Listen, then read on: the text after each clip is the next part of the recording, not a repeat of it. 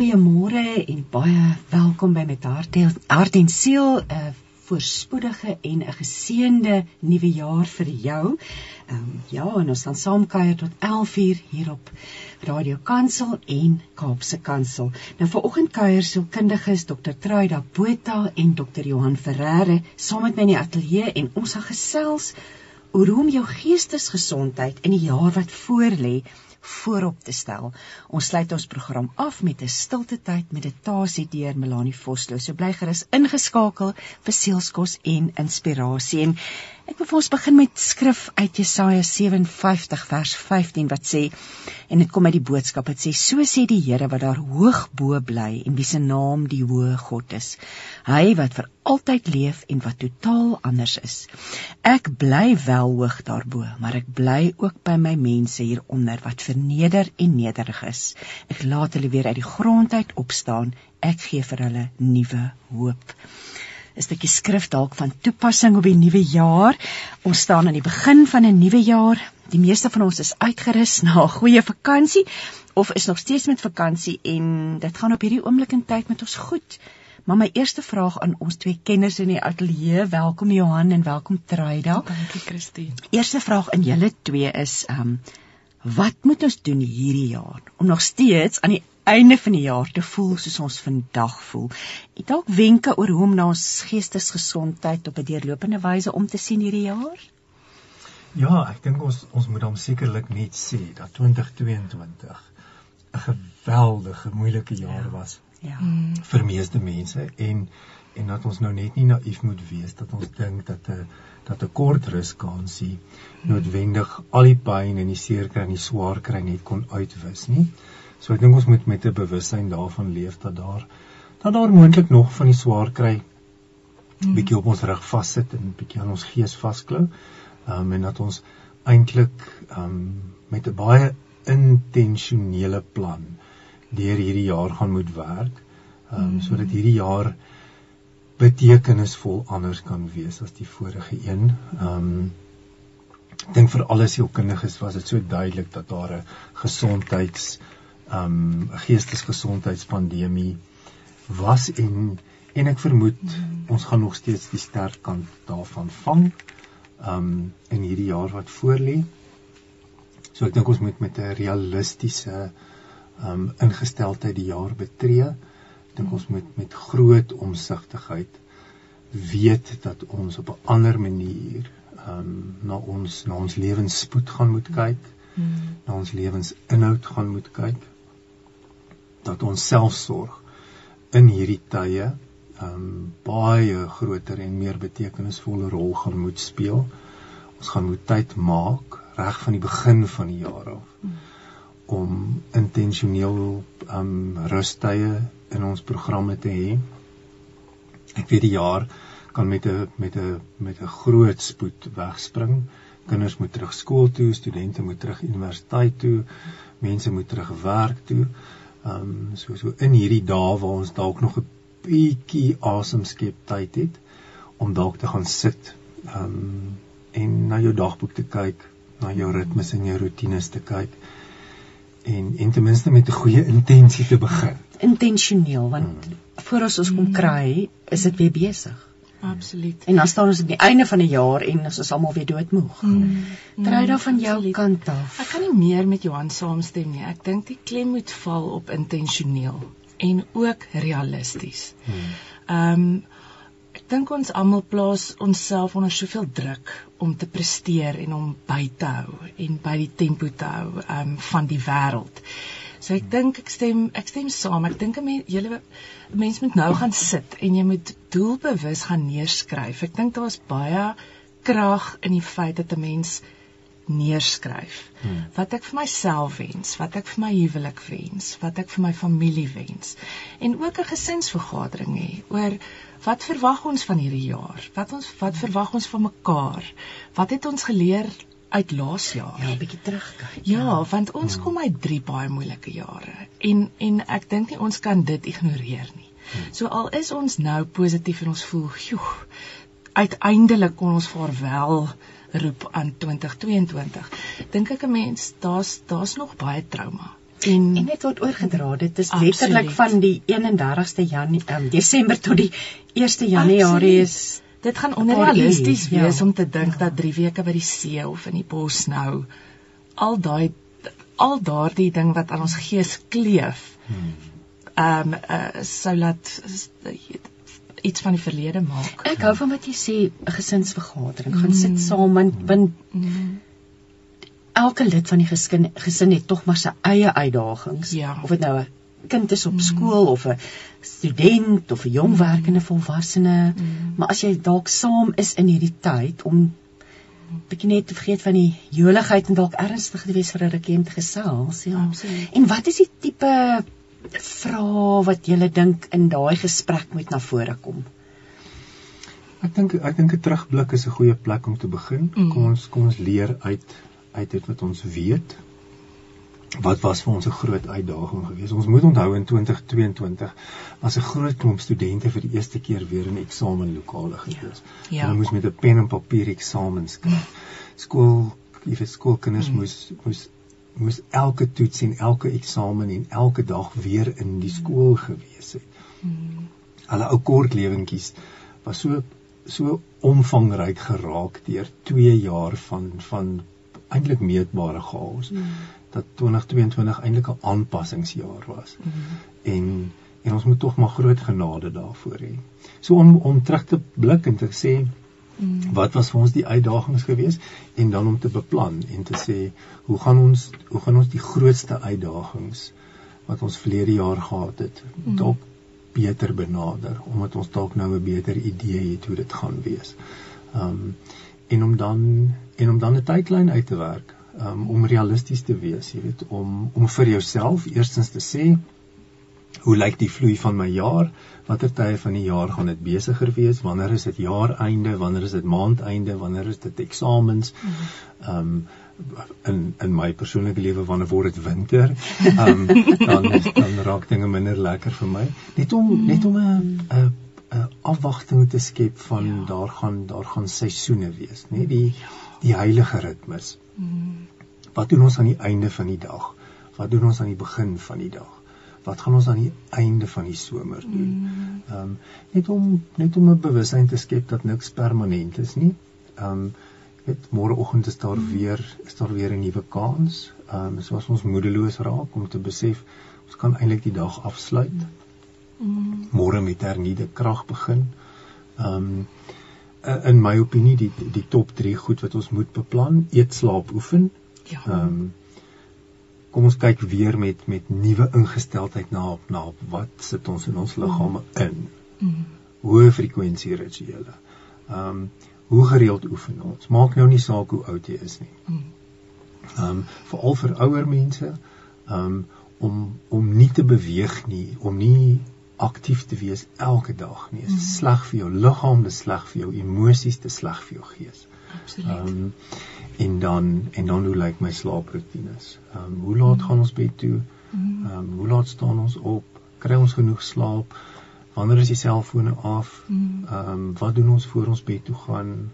Ehm um, ja, daai daai drie is 'n goeie afspraak. Jy jy dink jy verwys jou na selfsorg. Ja, hmm. absoluut. Try nou jy's 'n ma en ek dink partykeer 'n ma trek swaar omdat sy baie direk betrokke is mm. vir alles hy van die huis af werk of voltyds ma is. Mm. so baie direk betrokke so selfsorg. Maar en baie vir almal ja. Almal dit is onbeskryflik belangrik. Ek dink dis 'n woord wat baie mense um onderskat. En nie mooi verstaan wat dit is nie. En dit is so basies soos om na jouself te kyk um na jou fisiese gesondheid en soos Johan nou gesê het die drie basiese goed oefen eet ehm um, en en uh, uh ja, wat slaap. Hmm. Ek dink ehm um, alles begin by slaap. Hmm. Mense onderskat die be belangrikheid van slaaproetine, 'n gesonde slaaproetine. Hmm. Ehm um, ek sê altyd 'n mens moet werk vanuit 'n plek van 'n rus, nie na 'n plek van rus nie. Ehm um, en dit is dit begin by slaap en tegnologie en wat sit ons wat wat waarmee ehm um, hou ons osself besig? Wat sien ons oë? Wat hoor ons ore? Ehm um, voordat ons gaan slaap. Ehm um, en ook die mense wat sukkel met slaap om aan die slaap te bly Hmm. wanneer hulle wakker word. Wat doen ek dan? Ehm um, wat my advies altyd daar is is staan op uit jou bed uit, gaan badkamer toe, vat miskien jou Bybel of 'n Ja. boek Hmm. en lees. Nie 'n Kindle nie, ook nie 'n foon nie, lees totdat jy weer moeg is.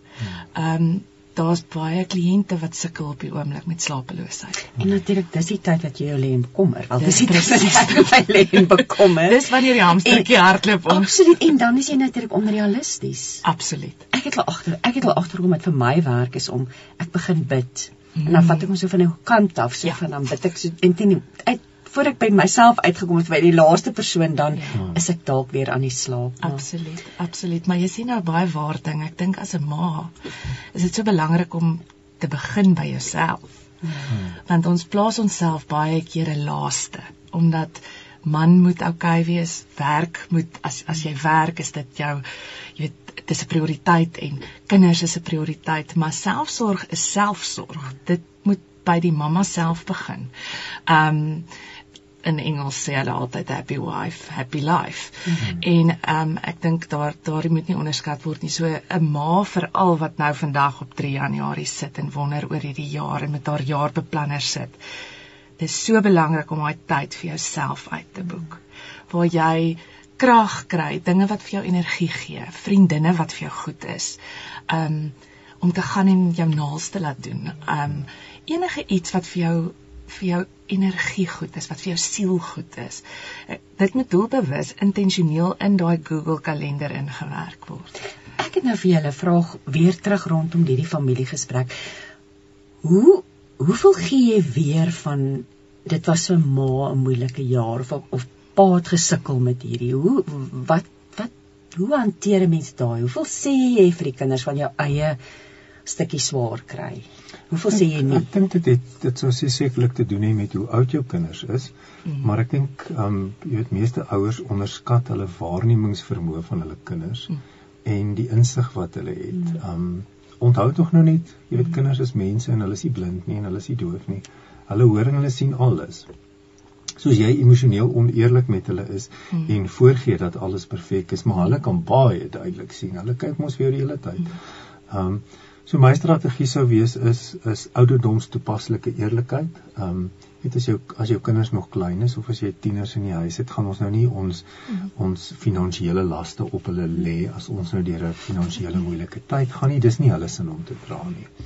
Maar om te sê, weet jy, pappa voel nie pappa het nie laas jaar so sterk gevoel nie. Jy weet ek het ek dink ek het 'n paar goed verkeerd gekry. Hmm.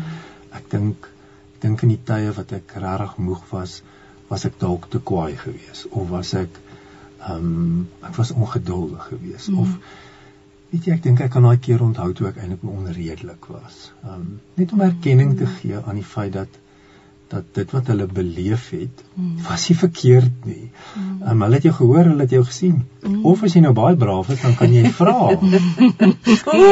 wil jy wil jy dan vir pappa sê watter Ja. watter tyd verlede jaar het het jy gedink ek het iets verkeerd gedoen? Ja. Ehm, en dan om en dan om net die moed van jou oortuiging te hê om dit aan te dra. Jy weet staan pa daarvoor en sê kom ons kom ons kyk of ons dit hierdie jaar anders kan doen. Mm. Mm.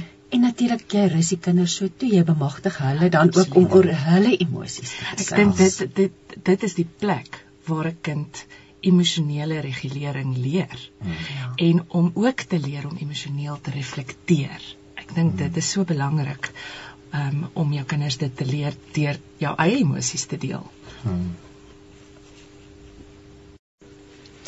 Kom ons gesels oor 'n sielkundige term die interne locus van beheer versus eksterne faktore buite ons beheer. Ons is deur 'n moeilike 2 jaar, jy het dit reg nou gesê.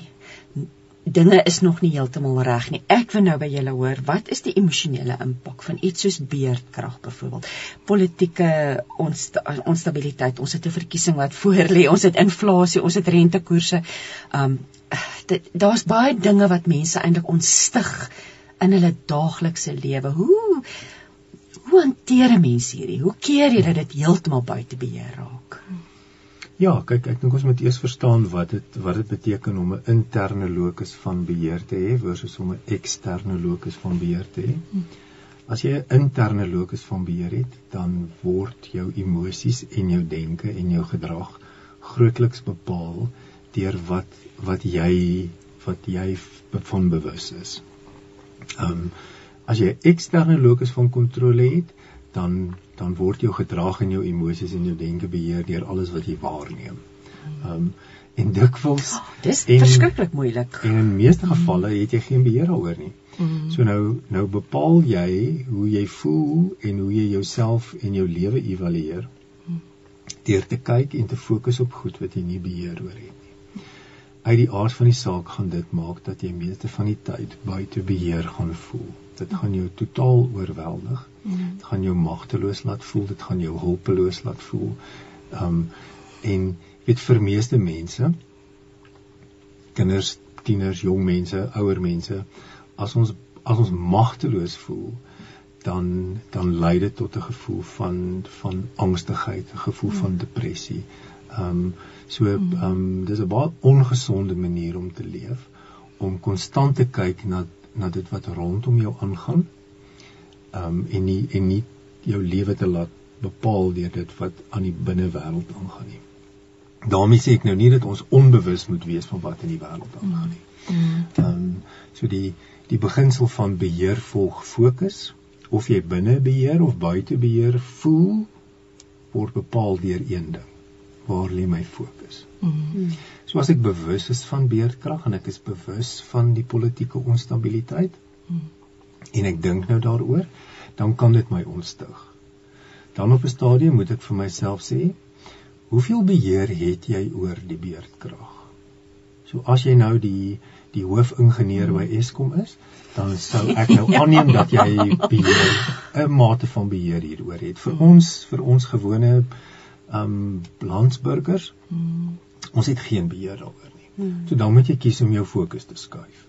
Ehm um, hmm. wees bewus daarvan, wees bewus watter tyd van die dag jy gaan beurtkrag hê. Hmm. Kry nou maar al jou planne reg, hmm. maar dan moet jy jou fokus wegskuif daarvan af en sê wat is nou op my tafel? Hmm. Nou moet ek seker ontbyt maak, ek moet seker die kinders by die skool kry, ek moet seker by my werk uitkom. Hmm.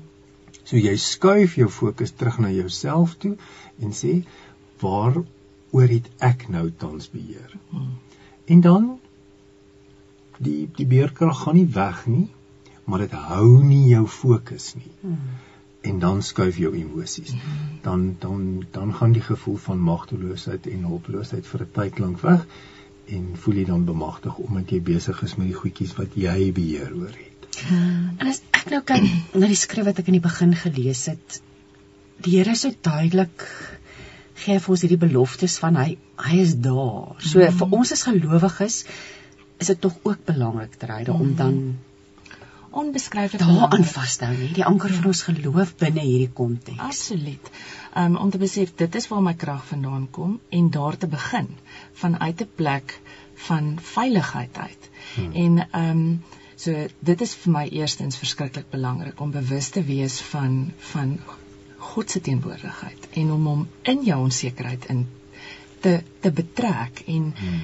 en by hom te gaan rus met al hierdie onsekerheid want ek stem saam met Johan ons as mense het 'n behoefte aan voorspelbaarheid hmm. en as ons nie voorspelbaarheid het nie dan voel ons buite beheer hmm. en dit maak dat ons angstig en hulpeloos en depressief voel. Hmm. Ehm um, en ons kon dit sien met die met die pandemie. Daar was geen voorspelbaarheid nie. Ons het nie geweet hoe môre lyk nie. Ons het nie geweet hoe lank gaan die inperkings wees nie. Kinders het nie geweet wanneer gaan hulle terug universiteit toe en of hulle ooit terug gaan of skool toe nie. En daardie ehm um, dit kan baie baie maklik vir iemand wat 'n eksterne locus van kontrole het. Ehm um, kan dit hulle totaal en al sink hmm. want dit is heeltemal oorweldigend dan omdat jy jouself amper ehm um, oorlaat aan die wêreld se chaos. Hmm. So ehm um, ek dink daai interne locus van van beheer wat 'n mens het moet begin by jou meditasie ja. en jou jou jou stilte tyd. Hmm. Ehm um, en soos Johan ook sê, ek dink as 'n mens dan die voorspelbaarheid van byvoorbeeld beerdkrag het, dan beplan jy jou dinge rondom dit. Dit leer ons ook en ons kon sien in die afgelope 2 jaar hoe kreatief ons Suid-Afrikaners is en hoe aanpasbaar ons ook is. Ehm um, dat ons kan ons kan probleem ons kan oplossings vir probleme kry en ons is verbaas daaroor. Ehm um, Ons maak 'n grappie. ons maak 'n grappie. Sin vir humor absoluut. Ja. absoluut, Ja. absoluut. So ja, ehm um, Een van die dinge wat 'n mens opmerk op die oomblik en en, en is die daar's so 'n onderliggende woede en mense is gefrustreerd en ongeduldig. Jy sien dit op die paaie. Hmm. Jy sien dit in die winkels. Hoe hierdie wat noem julle dit hierdie uh, uh, dit is half 'n Ja, 'n kollektiewe ja, bewustheid. daar's hy. Mm. Kyk ons ons moet besef hierdie ding het nie net in Pretoria of Johannesburg of um Bloemfontein gebeur. Hierdie ding het reg oor die wêreld gebeur. Ja. ja. So die die kollektiewe bewussyn van die wêreld het geskuif. Mm. En daar is 'n daar is 'n angstigheid en 'n negativiteit en 'n magteloosheid en 'n onsekerheid Mm. wat eintlik soos 'n konversie reg oor die reg oor ons planeet hang. Ja. Weet ek wil nou nie ek wil nou nie soos 'n um soos 'n onrealistiese Pessimis. pessimis klink nie, maar daar is die daar is ongelukkig die die Mm. realiteit, nê? Nee, dit was dit was 'n wêreldwye krisis Mm. wat wat ons almal intern moes aanneem. Toe dit nou begin skuif, um, Toe kom die oorlog in die Oekraïne en en dit, dit, dit, dit, dit was nie 'n geweldige Ja. uitgebreide Mm. tyd van onsekerheid wat wat meeste van ons nog nooit in ons lewe beleef het nie. Mm. Ehm um, so dit het ons dit het ons locus van beheer kom kaap Mm. ekstern omdat dit so groot en oorweldigend is, maar nou moet ons elkeen as individu veral as ons volwassenes is, moet ons moet ons daai daai locus van kontrole terugbring. Mm. Jy moet jy moet uit die kapingssituasie uitkom en sê ek gaan nie langer toelaat dat iets en iemand anders bepaal hoe ek voel nie. Hmm. Tensy daar nou 'n man met 'n geweer by die deur staan, gaan ek nou nie vandag angstig wees en myself bekommer oor goed wat ek nie beheer oor het nie. Mm. Dis 'n intentionele besluit. Hoe kry ons dit reg? Begin by wat jy nou moet doen. Ja. Um, skuif jou fokus na wat jy nou moet doen. Mm. As jy nou jou jou plannetjies moet maak rondom beerdkrag, as jy nou jou kinders by die skool moet kry, fokus dan nou daarop. Breek dit op in kompartemente. Um en en fokus op dit waaroor jy beheer het. Onmiddellik gaan jy sien jou denke, jou gedrag en jou emosies gaan na 'n plek van regulering toe kom. Mm. Dis nie 'n plek van ontkenning nie, dis Mm. net 'n plek van regulering binne hierdie chaos. Mm. Kan ek nou regkry wat ek vandag moet doen? Mm. Um, en dan liewe aarde, kies dan iets positief gaan loop in jou tuin. Ja. Kyk na die die die nuwe goedjies wat begin bly bloei. weg van die paaie af as jy weet dis Ja. beerdkrag in jou in jou Ja. omgewing. Ja. Ja, en onthou net almal se vel is super dun. So Ja. moenie Mm. mm. probeer om nie in enige gesprek of konflik met mense betrokke te raak nie. Mm. Weerhou as jouself jouself asseblief daarvan om jou kar se toeter te druk op die stadion. Mm. En as jy by 'n robot staan en die Ja. ou voor jou het nie betyds weggetrek nie. Jy weet nie wie klim uit daai kar uit nie. Ja. Ehm um, Mm. daai enetjie is dalk op die laaste laaste stukkie beheer wat hulle oor het. Mm. Ehm um, ons sien dit oral. So ons moet genade hê met onsself en met ander in hierdie Mm, tyd. absoluut. Ek sluit aan by Johan. Dit gaan glad nie oor ontkenning nie. As ons die voorbeeld kan gebruik van die oorlog in Oekraïne. Ons ontken nie dat dit baie erg is nie. Maar ons het beheer oor hoeveel ons daaroor nalees, hoeveel ons Ja. daarvan kyk, um en wat ons daaroor sê en dink ensovoorts. Dieselfde as wat ons aan die begin van die pandemie gesê het, is monitor die hoeveelheid wat jy jouself dan daarmee um besig hou. Um en weer eens, dit gaan nie oor ontkenning nie. Jy kan nie nuus lees. Jy hoef nie jou beeld of jou burger um inskrywing te kanselleer nie, maar maar beperk dit. Ehm um, ook wil ek aansluit by Johan. Ek dink dit is so belangrik om te kies met wie mens praat. Hmm. Met wie omring jy jouself? Wie is jou vriende? Wie is die mense wat inspraak het in jou lewe? Want daar is baie negativiteit. Ja, ja. So as jy beheer het oor oor wie in jou geselskap is, jy baie baie baie selfsugtig wees hmm. en baie mooi dink, is hierdie goed vir my siel? Dra hierdie vriendskap by tot kwaliteit van lewe of voel ek af nadat ons gekuier het? Ehm um, want dit kan so maklik gebeur dat 'n mens net in hierdie ehm um, amper in hierdie gat ingetrek word van o, oh, die politiek. O, oh, kyk hoe lyk Suid-Afrika. Kyk hoe lyk ons strate. Ehm um, in plaas van om te sê ja, ons weet, jog, dis erg, maar as ons die Saterdag as jy nie lus om saam met my bietjie en op rivier ehm um, skoon te maak of weet twee plastiese sakke vol te gaan maak van gemors nie. Ehm um, maar net 'n tipe van 'n ja. positiewe en ietsie te doen waaroor jy dan wel beheer het en 'n verskil maak. Absoluut. Ek dink nou terug aan die Tweede Wêreldoorlog en mense wat in konsentrasiekampe was, die mm. verskriklikheid daarvan, maar ek dink ook aan die Viktor Frankls van hierdie wêreld en eintlik die lewenslesse wat ons by daai mense kon oh, leer. Edith Eggers se goed, ja, absoluut. Ehm um, alles deur verskriklike trauma. Dis ek, hoeveel jaar later en ons baat nou daarbey ook nie. Ek stem absoluut saam en ek dink Johan het dit ook vroeër genoem. Edith Egger se boek The Choice. Ja, ja. Dis 'n besluit. Ja. Alles wat ons doen intentioneel is 'n besluit. Hmm. Met wie omring ons ons? Wat lees ons? Hoe Hoeveel video's kyk ons nou van daai bomontploffing? Hoe reageer ons daarop? Hmm. Alles is 'n besluit. En en ons as mense is dit gegee gesonde verstand, helder verstand en onderskeidingsvermoë. Want dit staan ook in die woord. Absoluut. Kyk God nooi ons. God nooi ons intentioneel tot die toetrede van die pad saam met hom. Mm. Hy wil hê ons moet groei in verhouding met hom. Hy laat ons toe as ons dit nie wil doen nie. Ehm um, hy doen ons mos nou nie om om in verhouding met hom te staan. Hy nooi en hy hou aan om te nooi. So so daai daai keuse wat ons as gelowiges moet maak om te sê te midde van al die moeilikheid, mm. te midde van die begin van 'n nuwe jaar, wag God elke dag, elke minuut vir jou om tot hom toe te tree en te sê Here, hier is ek nou mm. weer. Ehm um, Ehm um, hy dra nie sy gesig weg nie. Hy's nou nie vies om nou weer vir jou te sien nie. Hy's altyd opgewonde, hy's altyd bly. Hy sy hand is altyd oop vir jou. En ek dink as ons as ons dit net weer net met met groter en meer meer bewuste ritueel kan beoefen.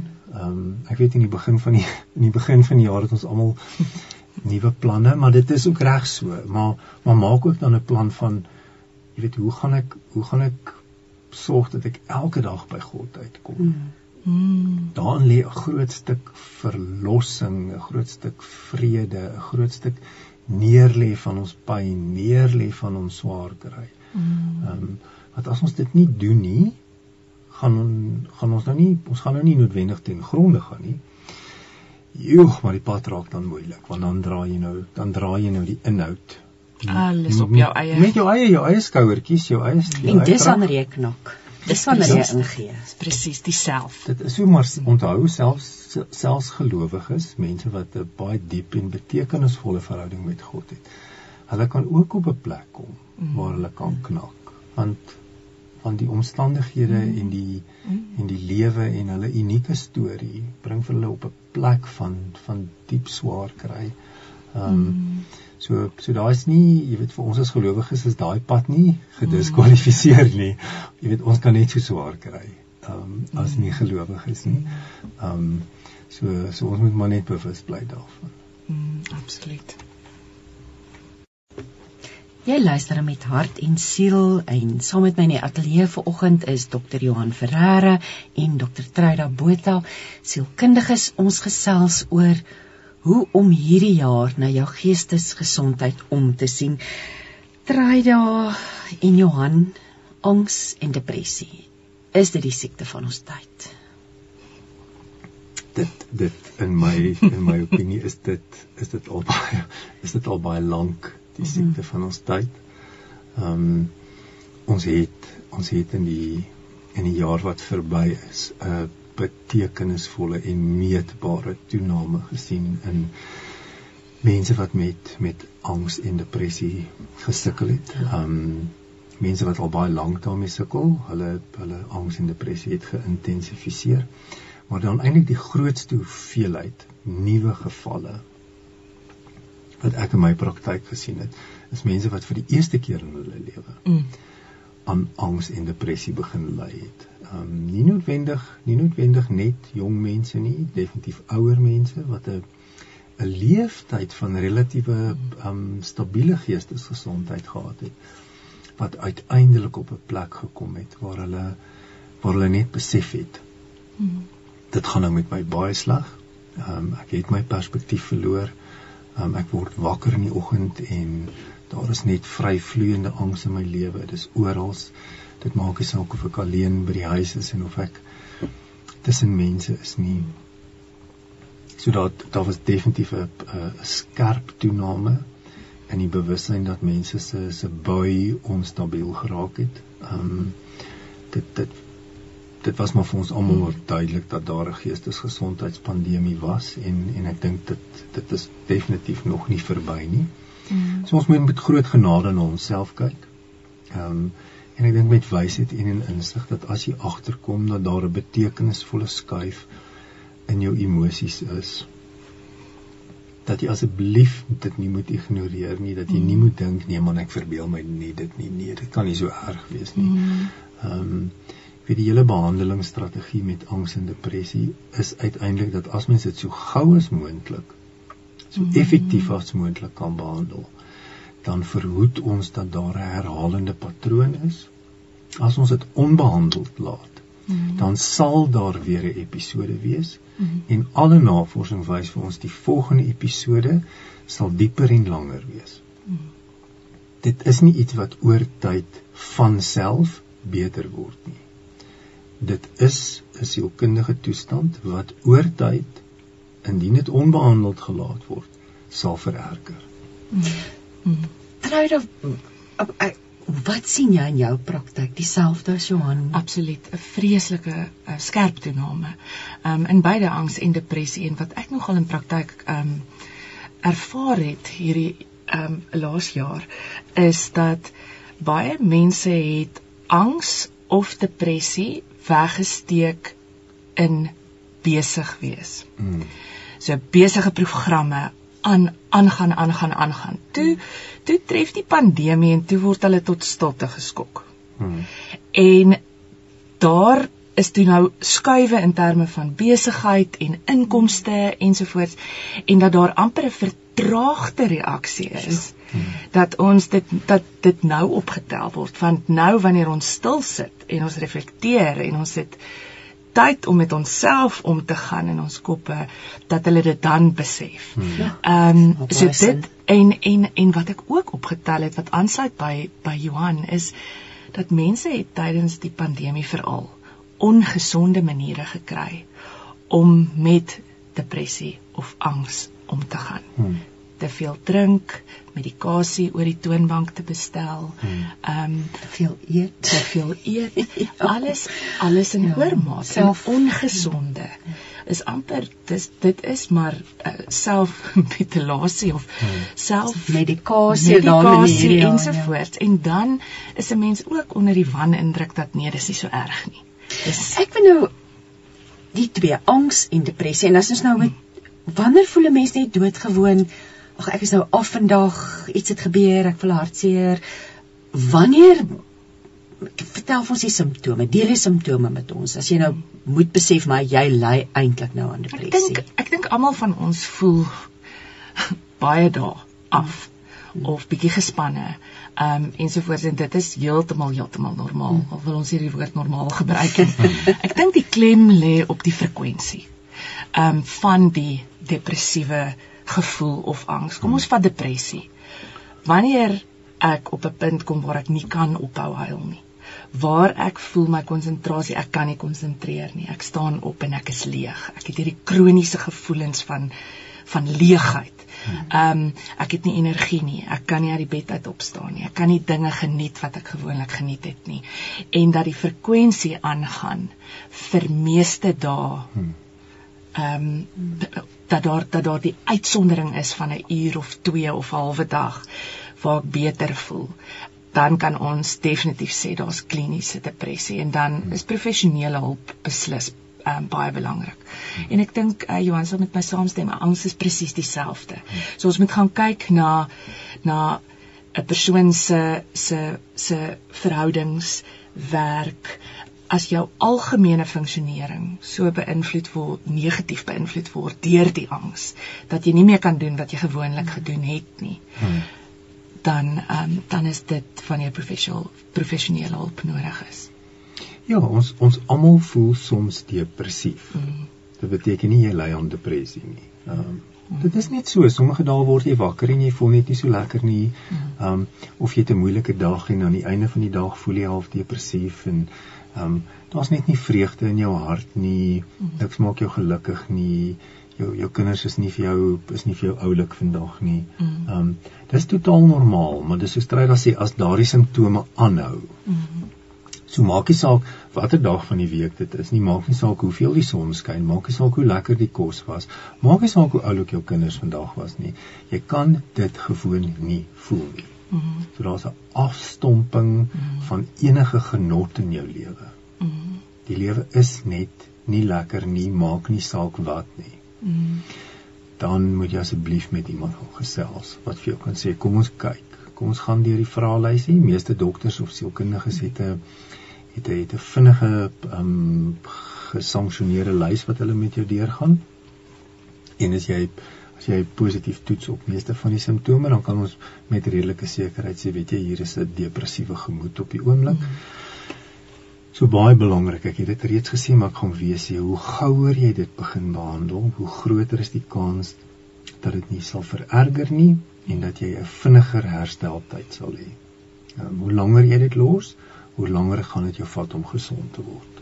Ja. Um, hmm. En dit is nou maar gewoon net hoe dit is. Ek weet daar's mense wat dink dat depressie nou maar net, jy weet, 'n gedagte in jou koppie is en as jy jouself net gou kan regryk, dan sal dit met jou beter gaan. Weet jy, gaan sit bietjie in die son of gaan gou vir 'n draffie, dan voel jy sommer gou beter. Dan weet jy iemand wat depressief is, wil nie in die son sit nie en hulle kan nie vir 'n draffie gaan nie. Hmm. Uh, hulle liggame en hulle die neurologie in hulle brein laat hulle nie toe om dit te doen nie. Hulle is nie in staat om dit te doen nie. Mm. Nee, maar dit kan nie wees nie. Wel praat met die wat dit het. Mm. Mm. Dit is nie iemand wat lui is nie. Dis nie iemand wat treurig is nie. Mm. Dis nie iemand wat verantwoordelikheid probeer ontduik nie. Daar is natuurlik die sulkes. Mm. Maar dit is nie moeilik om te onderskei tussen mm. iemand wat nou wat nou net nie lus is om iets te doen nie en iemand wat regtig depressief is. Mm. Ehm um, kan 'n mens aan angs ly sonder depressie? Jy kan? Ja. Ehm um, ek, so, ek ek verwys maar gewoonlik na hulle as die as die twee nare ehm um, vriendinne wat saam uithang of vriende. Ja. Ehm um, hulle hulle hou baie van mekaar. Hulle ja. hulle kuier verskriklik lekker saam die tweeetjies. Mm. Maar maar hulle is nie altyd vriende nie. So so mense kan aan angstigheid ly sonder om depressief te wees en jy mm. kan definitief depressief wees sonder om angstig te wees. Mm. Maar ek weet nie in die afgelope jaar het het dit vir my gevoel daar's daar's so 'n daar's so 'n omvangryke um manifestering van angstigheid dat selfs gewone mense, net mense wat net eintlik lekker en en goed is. Almal van ons se angsvlakke is verhoog. Um want eintlik is daar nie daar's nie 'n plek waar ons heidaglik ek dink reg oor die wêreld kan ontsnap van alles wat verkeerd is nie. Mm. En dit is so sigbaar, jy weet. Mm. In in 1963 is iets in Bloemfontein gebeur het, dan het ons miskien daarvan gehoor hier in, in Pretoria of Johannesburg. Nee, as iets in Kaapstad gebeur het, jy's dan die die kanse word al hoe kleiner. As iets in Londen gebeur het, gaan jy nooit daarvan gehoor het nie. Mm. Jy weet. Nou as iets aan die suidpunt van Suid-Amerika gebeur, dan weet ons almal binne 10 sekondes daarvan. Mm. Dis baie so die die negativiteit van die wêreld vry vloei reguit na ons toe. Ja. Eintlik hoef ons niks meer te gaan soek nie. Ons moet eintlik ons moet eintlik nou goed begin blokkeer. Ons moet slegte nuus van ons af weghou.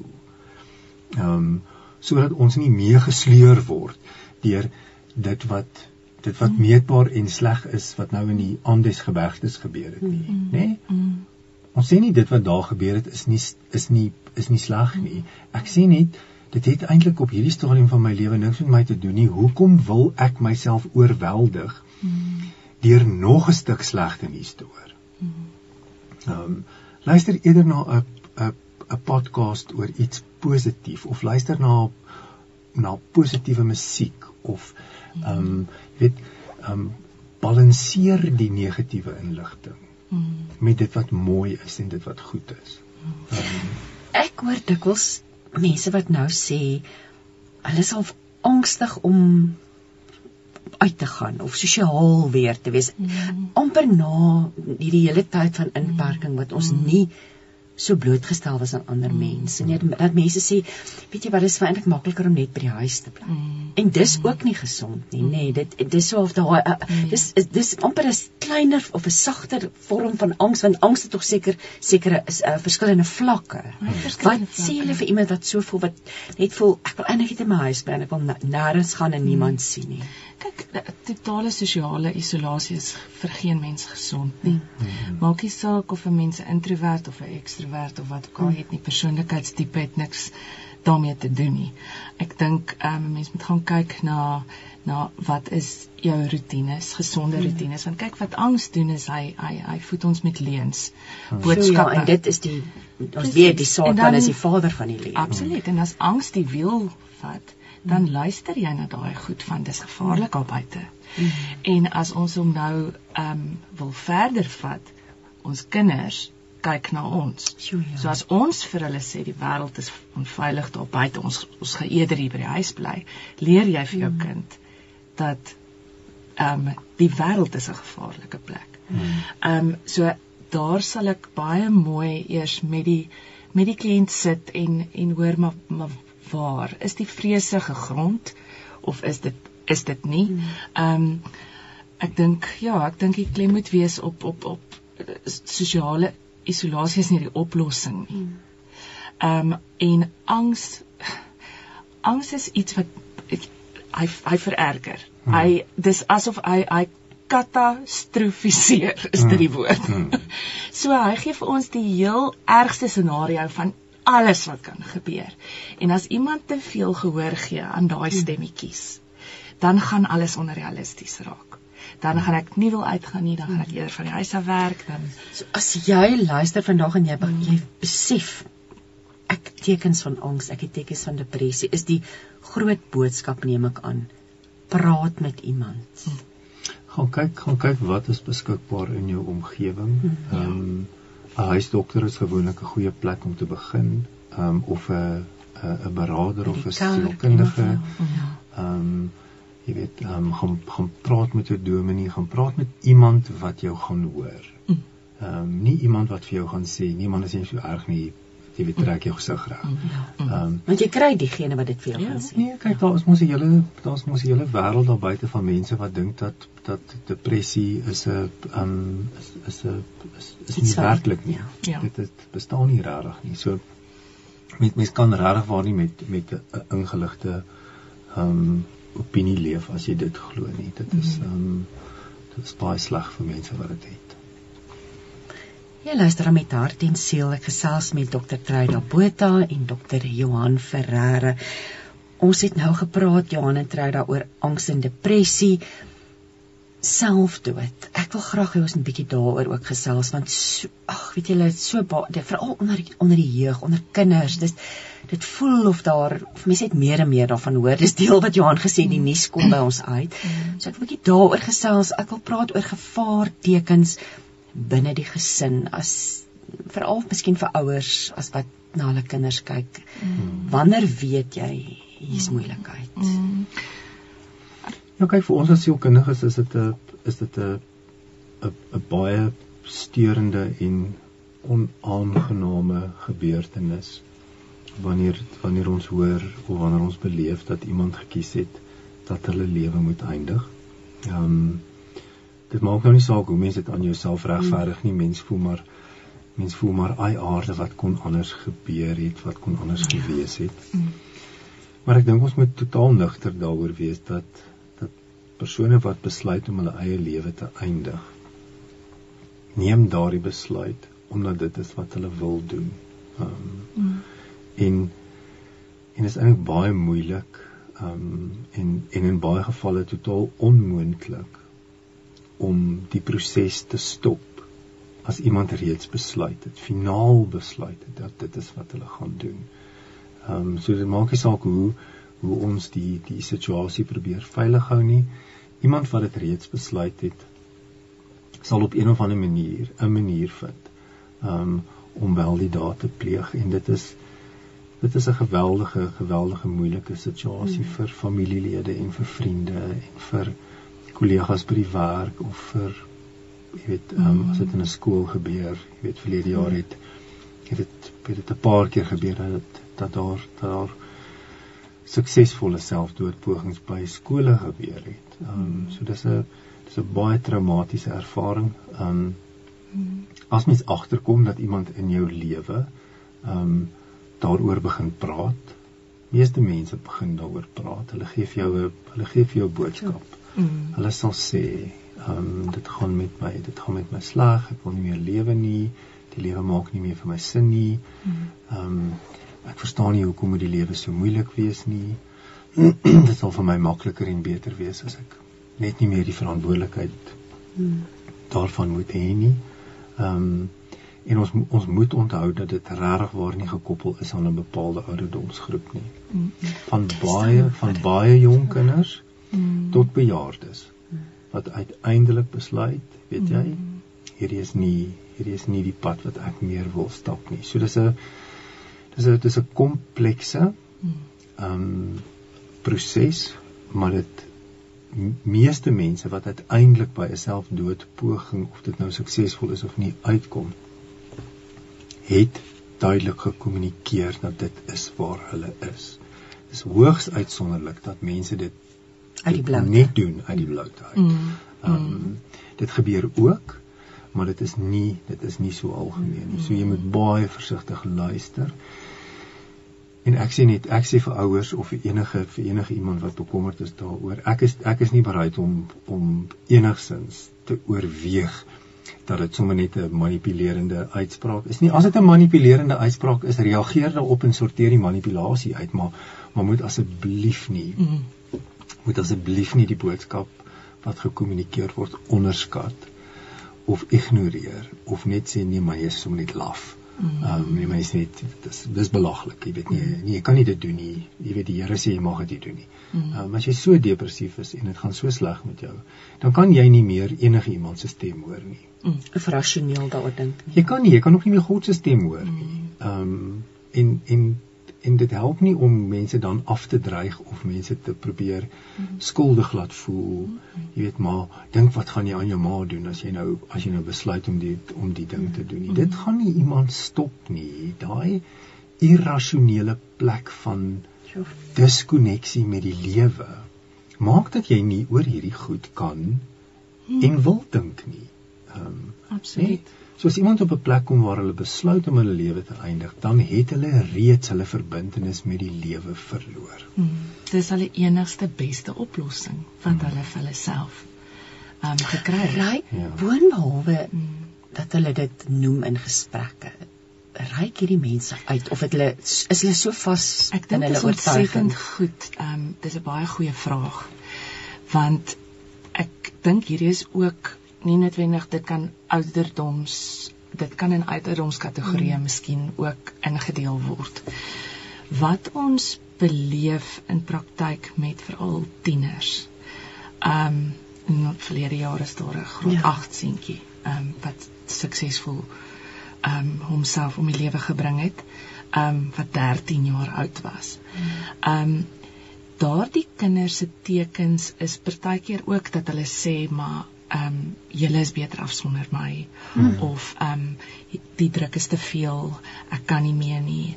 Ehm um, ek gaan dit nooit maak nie. Ek weet nie hoekom is ek hier op aarde nie. Ek ek het nie 'n doel hier nie ensovoorts. Maar die ander tekens dit sê dis is vreeslik. Die ander tekens wat 'n mens kan sien met die met die tieners is totale isolering. Hmm. ehm um, onttrek van gesprekke is hulle op hulle oorfone in hulle kamers, praat nie meer nie. Ehm um, en daar's nie gesonde kommunikasie dan ehm um, in die huis nie. Hulle is op hulle fone. Hmm. Ehm um, en ouers het nie noodwendig dan ehm um, daar's nie in al alle huise die reël dat die ouers kyk wat op fone aangaan nie. So hulle weet nie waarna word geluister, watter podcasts word word geluister, wat sien hulle, ehm um, ensovoorts nie, want daaruit kan mens aflei as daar donker gedagtes sou wees. Hmm. So ek dink onttrekking sien 'n mens nogal met die tieners want dis gewoonlik nogal al het daai kind dit besluit is dit in baie gevalle ek weet van twee gevalle laas jaar by 'n hoërskool dit was verrassings. Hmm. Niemand het dit verwag nie ehm um, die kind was nog vriendelik die vorige dag in skool. Hmm. So en ek dink daardie skok hmm. is is is verskriklik. Kom ons praat 'n bietjie oor skuldgevoelens want hmm. dit gebeur. Soos jy nou duidelik sê, as hmm. dit gebeur, mense neem hulle eie lewens. Skuldgevoelens by die familie, by die ouers. Hoe hanteer 'n mens dit as dit met jou gebeur het? Dat iemand naby aan jou hulle eie lewe geneem het ek ek dink nie mense kan dit vryspring nie. Mm. ek dink meeste mense se eerste natuurlike reaksie mm. wanneer iemand so 'n so 'n mm uitsonderlike daad pleeg is om onmiddellik te dink maar wat het ek verkeerd gedoen? Wat het ek wat het ek nagelaat om te doen? Hoe het ek dit nie gesien nie? Ehm um, hoekom het ek nie opgetree nie? So daai is 'n natuurlike proses wat mens maar net moet deurgaan. Ehm um, of jy as, as ouer daardeur moet gaan of dit jou vriend is of dit jou kollega is as jy as jy 'n mens met redelike vlakke van empatie is gaan jy gaan jy onmiddellik dink. Ehm um, maar maar waar is ek in die proses? So dis 'n gesonde evalueringsproses. Dit raak baie ongesond as jy die verantwoordelikheid aanneem daarvoor as jy sê maar dit is my skuld. Um, ek het nie of ek het of ek moes. Ehm um, en dan sou die besluit anders gewees het. Nou dit is natuurlik nou 'n 'n denkfout. Ehm um, mense wat kies om hulle lewe te eindig, het self so besluit. Mm. Ehm um, nee, mense maak nie net sommer daai besluit op die op die ingewing van die oomblik en net omdat iets iets kleins gebeur het nie. Mm. Ehm um, mense wat met met met selfdood manipuleer sal baie keer 'n poging aanwend of dreig daarmee omdat hulle nie hulle sin kry nie. Want daai is nie moeilik om te onderskei nie. Ehm um, iemand wat werklik ernstig hulle koneksie met die lewe verloor het. Se se hele psigodinamika is anders, hulle kommunikasie is anders. Ehm um, dit ehm um, dit dit dit is gewoonlik iets wat mens kan sien. Ehm um, Ek wil nou vir julle, ek gaan dit is 'n op die man afvraag en dis 'n vraag wat ek dink nodig is om te vra want baie keer hoor 'n mens onder gelowiges dat hulle sal sê ek is depressief maar ek het gebid en dit was 'n wonderwerk en alles het net reg gekom. So hmm. ek wil met julle praat oor die verantwoordelike gebruik van medikasie. Wanneer is medikasie nodig in hierdie hele scenario van depressie en hoe doen ons dit holisties binne die konteks van ek is 'n gelowige, ek bid, ek glo en vertrou die Here, maar wat wat is julle opinies? Wat wat kan julle daaroor sê vanoggend? Ek wil net uit die staanspoor uit sê dat die almagtige heerser van die heelal, ons liewe Vader, um uit die aard van die saak, uit die aard van sy karakter hmm. en sy en sy almag wonderwerke van krag kan doen hmm. en wel doen. Hmm. Ja dit is gewoonlik baie sigbaar en baie meetbaar. Hmm. En as jy dit al beleef het, dan sal jy dit weet hmm. Hmm. en sal jy daarvan kan getuig en dan gee ons alle eer aan God hmm. en ons is realisties en en en ons weet dit is hy. Mm. In my ervaring in my eie lewe en in meeste van my van my van die mense met wie ek werk se lewens is God besig met wonderwerke van proses. Nou, ons kan nie ontken dat God betrokke is by almal se lewens nie. Ehm um, maar daar is nie altyd wonderwerke van krag nie.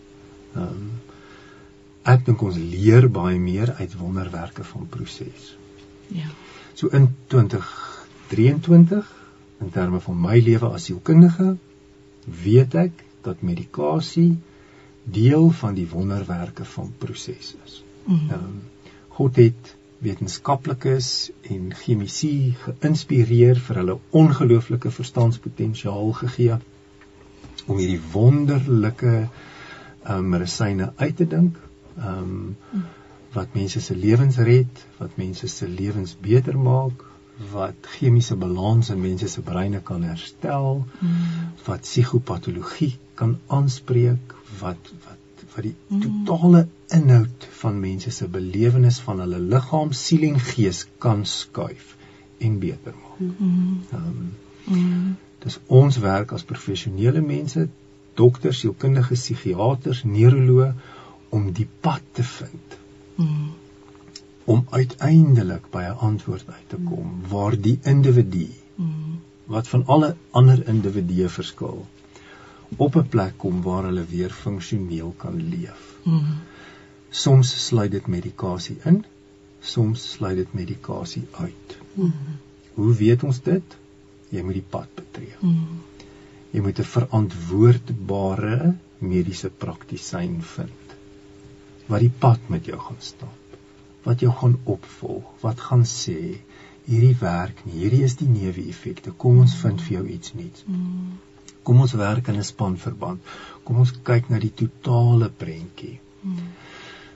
Dan is dan is medikasie een van die kragtigste en funksioneelste en en eintlik wonderlikste Mhm. dele van 'n terapeutiese proses wat Mhm. mense werklik dalk vir die eerste keer na heelheid toe kan bring of mense wat dan hulle hulle heelheid verloor het weer te kan herstel.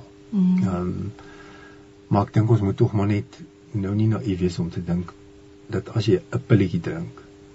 Dan is dit nou die som totaal van die regstelling.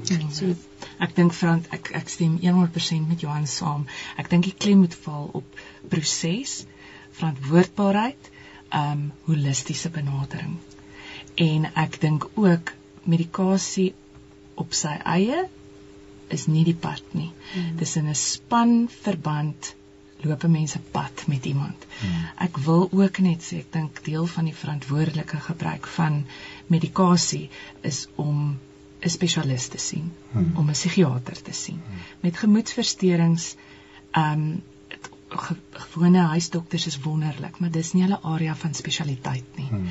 Hierdie het ons mense het nodig om iemand te sien wat presies geleerd is om om hierdie diagnose te maak en dan in samewerking met die sielkundige en die familie ensovoorts te werk. 'n Laaste ding wat ek wil sê.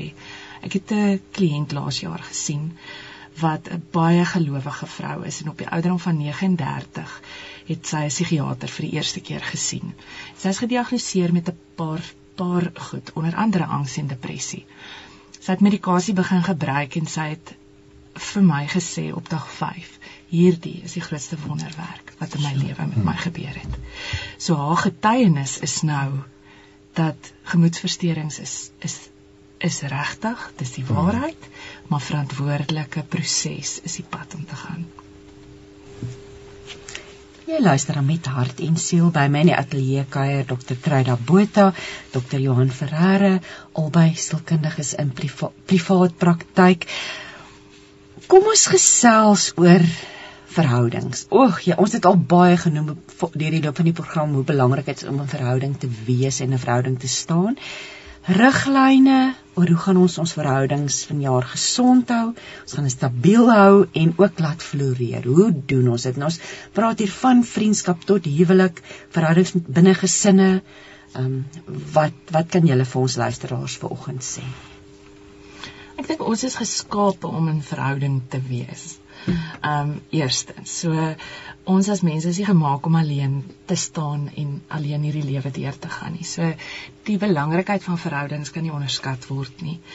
Ek dink verhoudings die sukses of wanneer 'n verhouding wil floreer of moet floreer, ehm um, begin by self. So dat jy as individu baie mooi na jouself kyk dat jy 'n gesonde persoon is om in enige verhouding in te bring. Um mens kan nie jou sekuriteit in iemand anders vind nie. Hmm. So as jy gelukkig is, noodwendig of optimisties is en positiewe uitkyk op die lewe het, bring jy daardie dinamiek in enige verhouding in. Of dit met werkskollegas is of dit met jou man of vrou is of jou lewensmaat of dit met jou kinders is. So ek dink dit eerstens is baie belangrik is selfsorg um, om te weet wie en wat jy is en wat soek jy in die lewe. Ek dink ons leef in 'n wêreld wat waar tegnologie 'n vreeslike groot rol speel in kommunikasie. En dit is baie belangrik om daar te gaan skoonmaak soms. Hmm. Ehm um, op jou sosiale media platforms te gaan seker maak wie is my vriendskappe en is dit daadwerklik vriendskappe hmm. of word dit gekategoriseer as iets anders um 'n praktiese verhoudinge kennis wat ook al maar definieer dit vir jouself hoe ouer ons word besef ek ook in praktyk mense mense doen bietjie huiskoon maak. Hulle soos wat 'n mens aanstap in die lewe begin jy besef wat is belangrik vir my? Waar, waaraan heg ek waarde in my lewe? Um watter tipe temas geniet ek om te oor te gesels? Hmm. um sosiaal. So om te gaan kyk wie is my vriende met wie omring ek my? Sien dit daar's daar's dis eintlik daar's niks aan my fout dat hmm. mense kom en gaan. Ons praat net spesifiek van vriende. Ek stem saam. Kom en gaan, daar's seisoene. Daar is seisoene. Daar's absoluut seisoene en en dan moet 'n mens vir jouself besluit wat is wat doen my goed? Wat wat hmm. laat my siel sing? Ehm um, en indien ek nie daai vraag vir myself positief kan antwoord nie, dan kan ons die som maak en sê maar ek dink nie hierdie mens is meer vir my so goed soos wat hy of sy 10 jaar gelede was nie. Ehm um, speel nie meer daai pertinente rol in my lewe nie. Ehm um, en kan nie meer deel van my binnekring wees nie. So dis spesifiek wat sosiale verhoudings betref. Ehm um, dink ek en en ja, ek dink Johan hmm. ek die woord toksiese verhoudings kom nou in my gedagtes hmm. op hoe hoe identifiseer mens wat is 'n toksiese verhouding? 'n Verhouding wat sleg is vir jou. Verhouding wat sleg is vir jou, um ruik en smaak sleg, emosioneel. Dit proe nie meer so lekker nie. Dit is nie meer so vars nie. Dit laat 'n nasmaak. Jy voel nie so lekker as jy saam met daardie ja. persoon was nie. Ja, ja. dit was daar daar daar hang so 'n bietjie 'n 'n 'n negatiewe emosie na die tyd met jou hmm. wat net nie vir jou lekker laat voel nie, wat jou gedagtes kaap, wat jou negatief oor jouself laat voel, wat vir jou dit is dis net nie 'n positiewe um emosie wat dit jou mee laat nie. Um so ek dink oor tyd moet mense dit maar evalueer en dan as dit so bly die nie gemanipuleer voel um, of jy voel dat die persoon nie met jou eerlik is nie of die persoon het 'n agenda wat vir jou sleg is. Ehm um, om dan maar maar met jouself eerlik te wees en te sê ehm um, dalk dalk is dit tyd om die om die die grens van die verhouding te skuif. Ehm um, ek dink as ons na die jaar kyk wat voor lê, dan dink ek moet ons besluit. Ehm um, hoe gaan die frekwensie van ons sosialisering lyk?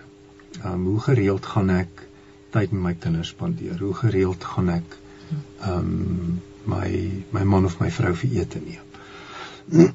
hoe hoe gereeld wil ek my vriende sien? Ehm um, want ek dink ons het almal ons het almal maar ons kom uit 'n tyd van van sosiale luiheid uit. Ja, um, absoluut. Ons moet ons moet weer leer. Ons moet weer ja, die die positiewe ja. lekker ehm um, van van koneksie met mense hmm. herontdek en dit dan en dit dan net weer in ons lewe ingestel kry. Hmm. Ehm um, daar daar is nou dies wat natuurlik dit nou te veel doen. Um, en en hulle moet hulle moet dalk seker nou maar die teenoorgestelde teenoorgestelde doen, maar ek dink dit gaan mm. oor die mm. kwaliteit van verhoudings. Ja. Ja. Ehm um, soos Trydig gesê het, wat wat is die wat is die wat is die beloning wat ek ontvang vir die gesprek wat ons het? Ehm um, jy weet praat ons praat ons die hele tyd oor ander mense? Mm wat ons nou maar eintlik ehm um, jy weet ehm um, niks ek niks meer vir mekaar te sê nie. Ja, dan ja. word altyd nou maar in 'n geskinder oor die een en oor daai een wat nou maar net 'n negatiewe aaklige nasmaak laat mm. want dan wonder jy nou na die tyd maar ek wonder nou wat sê jy nou van my as jy nie by my is nie.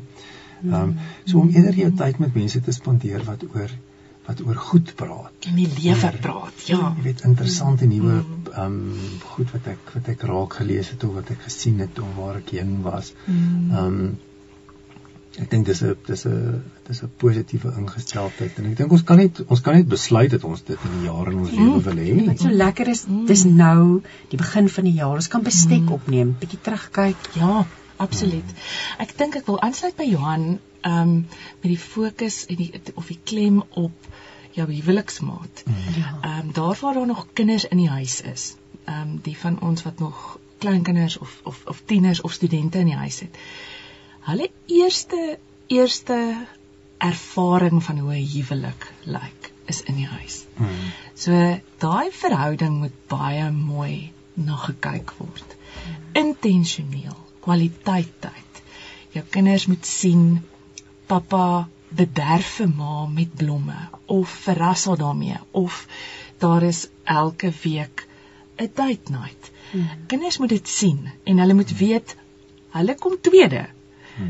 Pa en ma se verhouding is die eerste een in die familie of in daai gesin. Hmm. En ons het besluit om julle te hê of hmm. Uit te brei in ons familie, maar pa en ma se verhouding. So ek dink om doelbewus in jou kalender tyd in te werk vir mekaar. Hmm. Ehm um, dis so interessant met hierdie met die inperking het baie pare vir my gesê wat nou ook van die huis af werk albei dat nou eet ons ons eet alles ons eet ja. ons alles doen ons nou saam. um for bed or for worse and for lunch. Maar um en dat dit 'n uitdaging op hulle verhouding sit want mm. nou maak mense nie meer moeite om by mekaar uit te kom nie. Mm. So ek dink dit is baie belangrik om met mekaar te sit en te sê Kom ons beplan dit. Mm. Kom ons besluit op 'n aand per week wat ons aand is en wat ons ook al dan daarmee gaan doen. Kom ons besluit wanneer kan ons alleen weggaan. Ehm um, watter kursusse kan ons hierdie jaar saam doen? Is wat ook al ek en my man het nou begin voeltjies kyk. So is daar 'n belangstelling wat ons miskien nie saam kan begin. Ehm um, dat 'n mens jouself ook bietjie uit ons uit ons veilige spasie uit druk. Want daai kinders wat nou in die huis is, gaan natuurlik ook uit die huis uit. Ja. En dan sit ma en pa en kyk vir mekaar en niks wat het, wat het ons om vir mekaar te sê, sê nie, nee, so dis ook 'n iets om aan te dink. Ja, ja. Ja, ek dink mens moet met duidelik aan jou kinders kommunikeer as jy nou kinders het. Hmm. Ehm um, jy weet die nommer 2 posisie in my lewe is nog steeds 'n posisie van voorreg. Nommer 1 posisie is nie vir jou beskoring nie. Ja. Um, nommer 1 posisie is vir hierdie eentjie hier langs my. Ja. Maar nommer 2 is nog steeds 'n posisie van voorreg. Dis nie jy, ja. jy jy kom nie laaste in my lewe ja. nie, jy's tweede in my lewe. Ja. Um en as hulle dit kan leer, dan dan sal hulle besef teen die tyd dat hulle 'n romantiese verhouding betree, dat hulle verwagting dan sal wees. Ja dat dit 'n posisie van nommer 1 in hulle lewe sal word. Um, omdat hulle die voorbeeld het. Wat jy sê, 'n voorbeeld. Ons ons huwelik is 'n voorbeeld vir ons kinders ja. van hoe hulle hulle lewe gaan doen. Ja, kyk as mens nou, as mens nou enkel lopend is of jy het jou of jy het jou lewensmaat verloor, ehm um, jy weet nou lewend of aan die dood. Ehm um, dan dan vervul mens daardie ehm um, posisie met iets anders. Ehm um, ja. jou vriende word dan uit die aard van die saak vir jou meer belangrik. Ehm um, of jou troeteldiere of jou belangstellings. Mm. Mm. Ehm um, maar mens moet tog maar seker maak dat jy dat jy dat jy aanhou om verhouding na te jaag. Ja. Ehm um, vriendskapsverhoudings, um, verhoudings met jou familie. Ehm um, dit kan baie betekenisvolle verhouding met jou kollegas hê. Mm. Ehm um, nou nie noodwendig almal van hulle nie, mm. maar maar identifiseer mense wat mm. iets met jou in gemeen het. Ehm um, ons moet nie almal oppas vir 'n proses van vereensaming.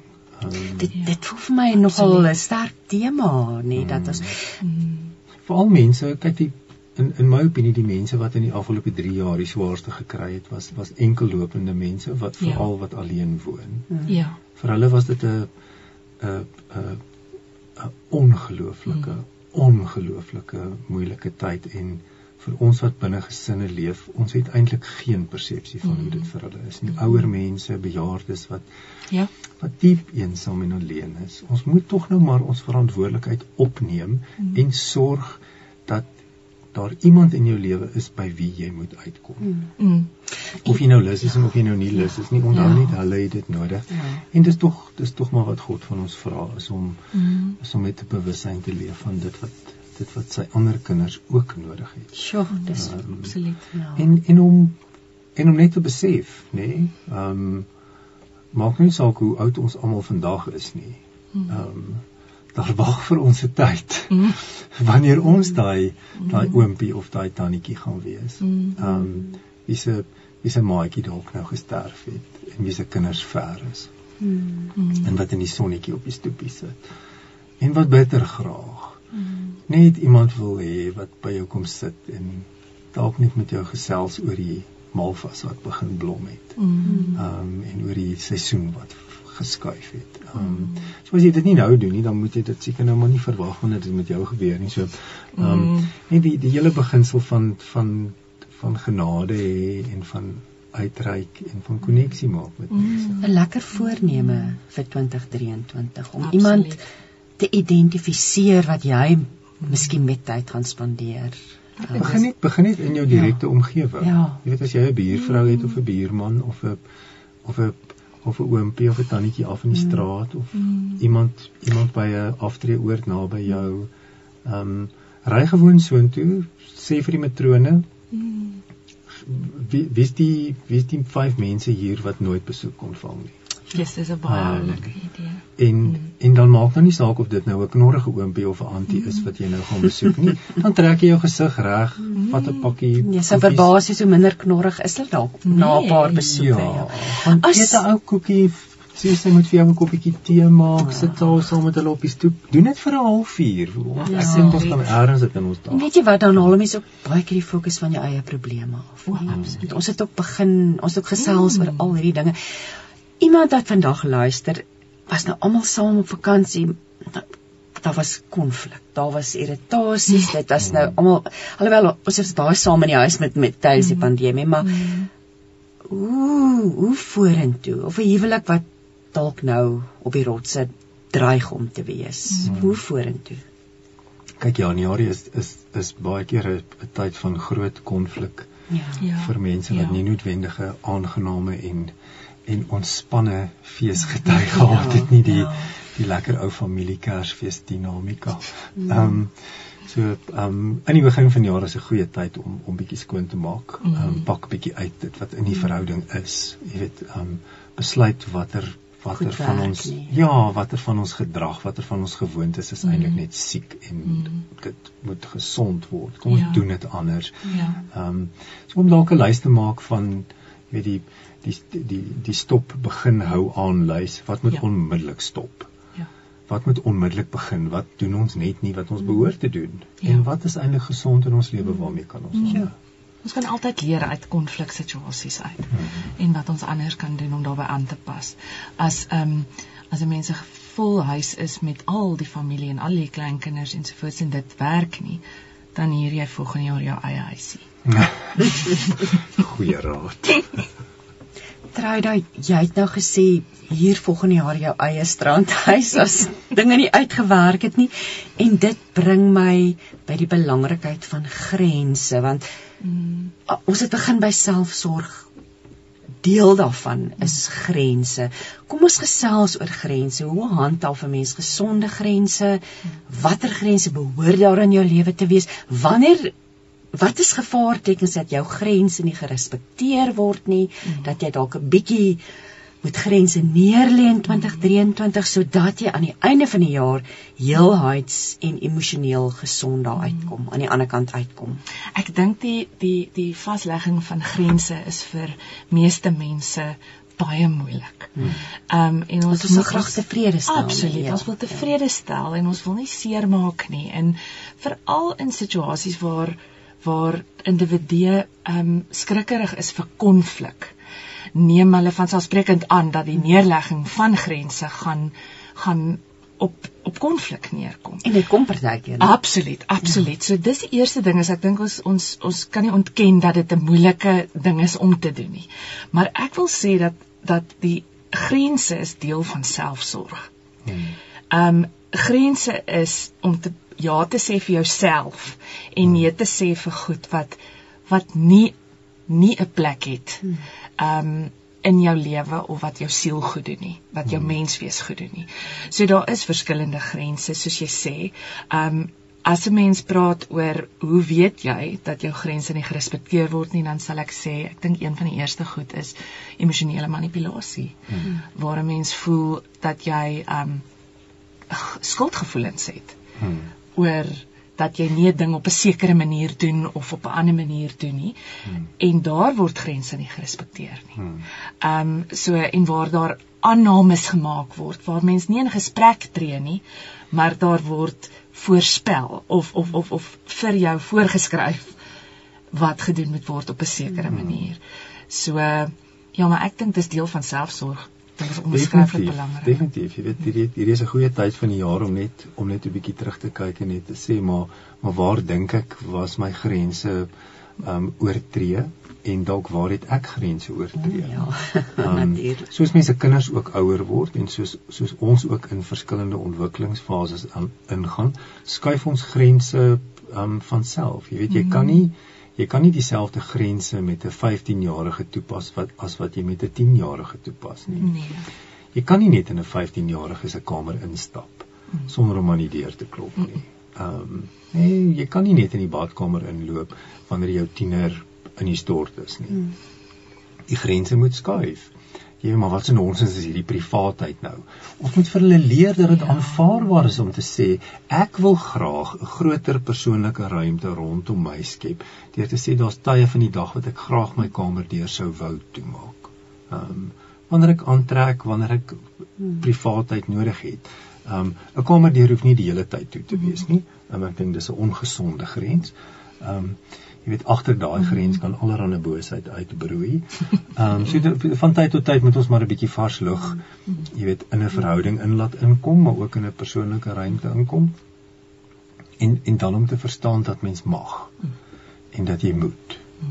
Nê? Nee? So om nee te sê vir iemand beteken nie dat jy selfsugtig is nie.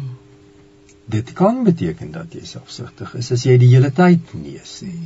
Ehm um, dan is jy nou ego gedrewe en dit gaan net oor jou eie behoeftes. Maar as jy nee sê omdat dit nou toepaslik is, dan is dit 'n aanvaarbare manier van kommunikeer. Jy leer vir ander mense dat ek nie nou beskikbaar is nie. Mm. Ehm um, daar's baie maniere om nee vir iemand te sê. Ehm um, jy weet ek ek verstaan dat jy nou hierdie behoefte het, maar ek kan ongelukkig dit nie nou vir jou doen nie. Ehm um, nee hierdie dit wat jy vir my vra dink ek is nie nou toepaslik nie. Ehm um, en dan natuurlik die die die sterkste en eenvoudigste manier om 'n grens neer te lê is die volledige sin met die woordjie nee. Hmm. Nee punt. Ons mag nee sê.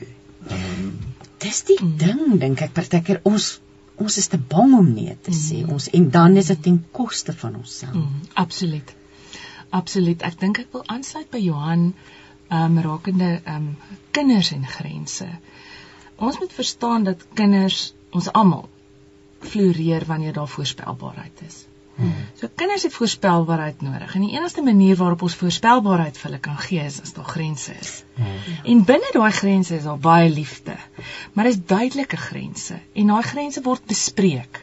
Soos wat die kinders deur verskillende ouderdomsfases gaan, bespreek 'n mens die die bietjie slapper grens wat daar nou is of ensovoorts soos wat jou kinders nou deur tiener en en studentejare so aangaan dink ek dis baie belangrik as ons kyk na hoe kinders byvoorbeeld jong kindertjies as hulle 'n speletjie uitwerk vir hulle self buite hulle vat 'n volle halfuur aan die begin van die speletjie om hmm. eers reëls te maak hmm.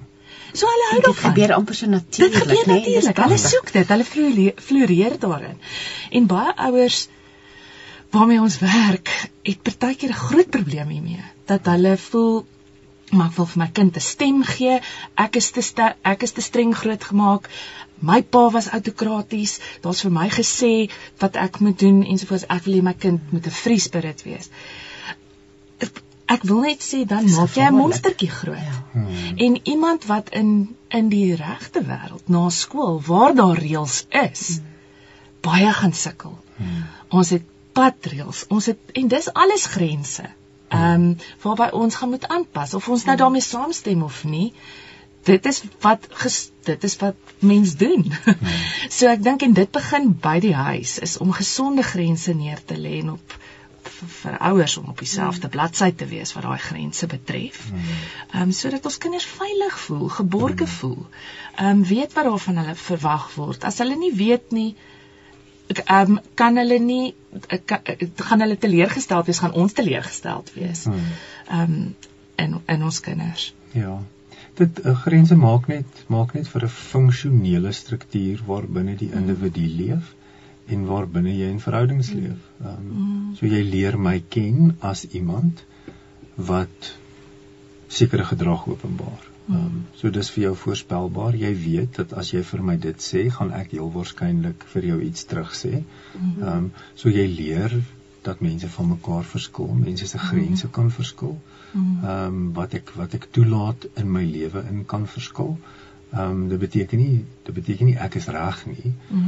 Dit beteken nie dit werk vir my. Ehm um, so om om maar in die gesin, jy weet vir jou kinders te leer dat hulle mag nee sê.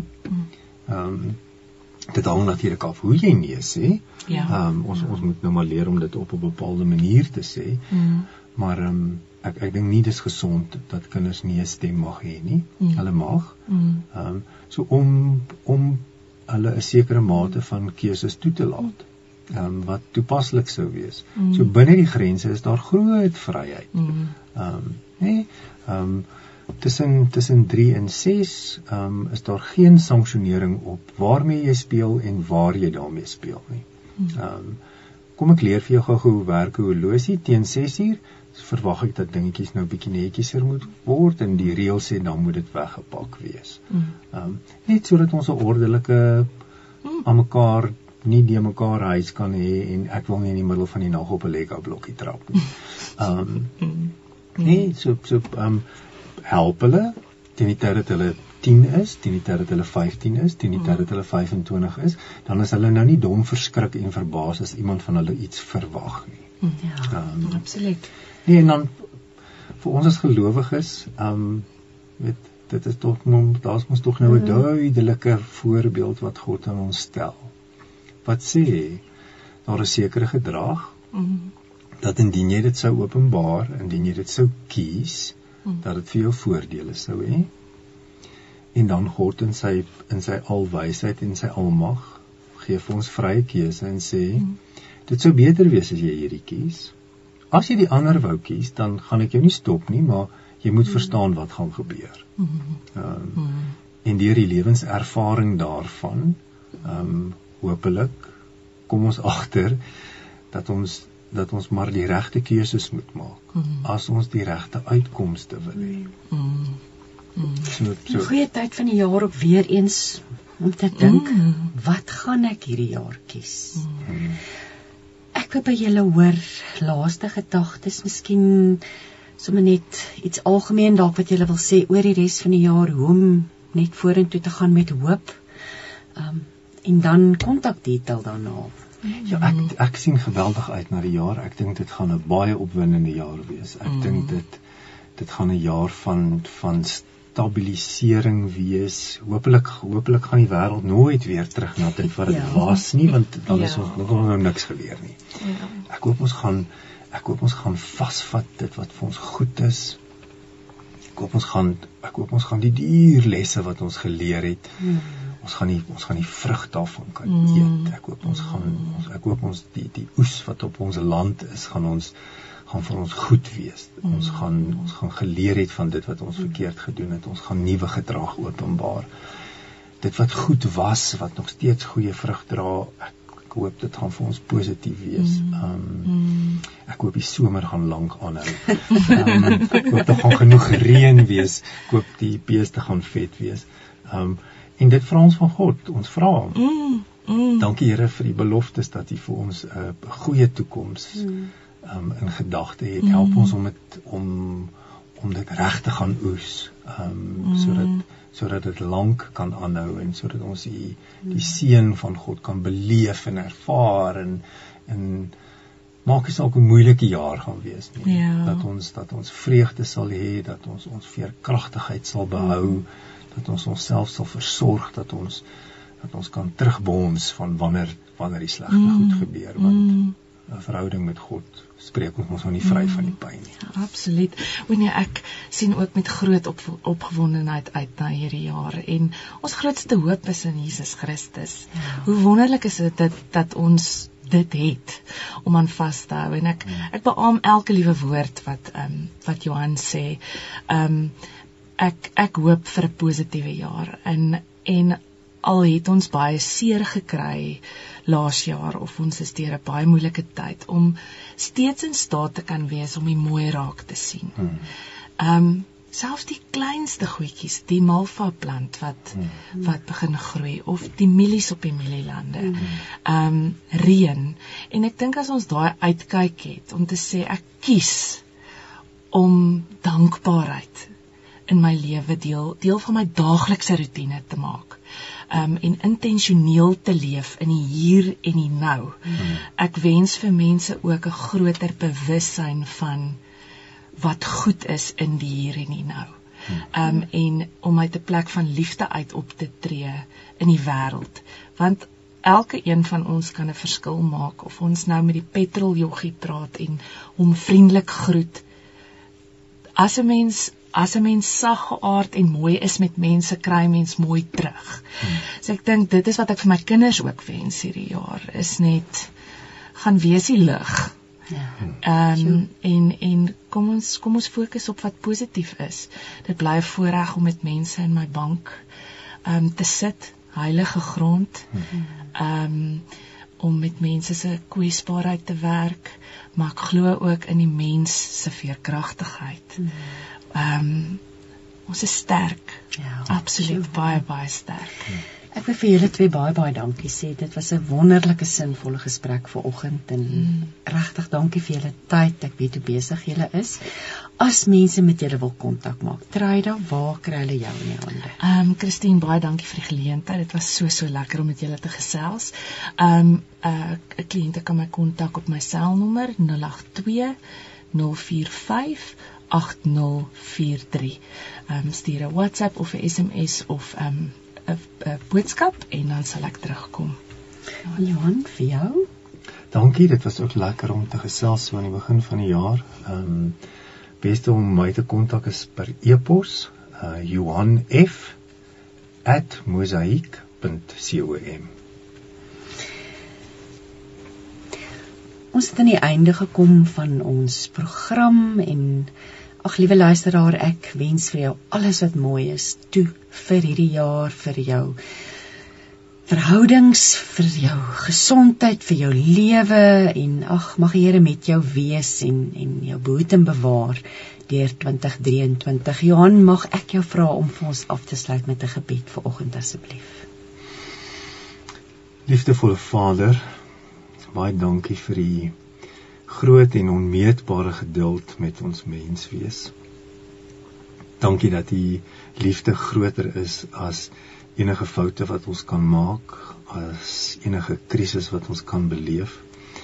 Dat u almag in ons lewe teenwoordig en sigbaar kan wees. Dankie Here dat ons elke dag meer as een keer op 'n dag na u toe kan kom met alles wat ons pla, met alles wat ons angs veroorsaak, met alles wat vir ons vreugde bring, dat ons dit met U mag en kan deel.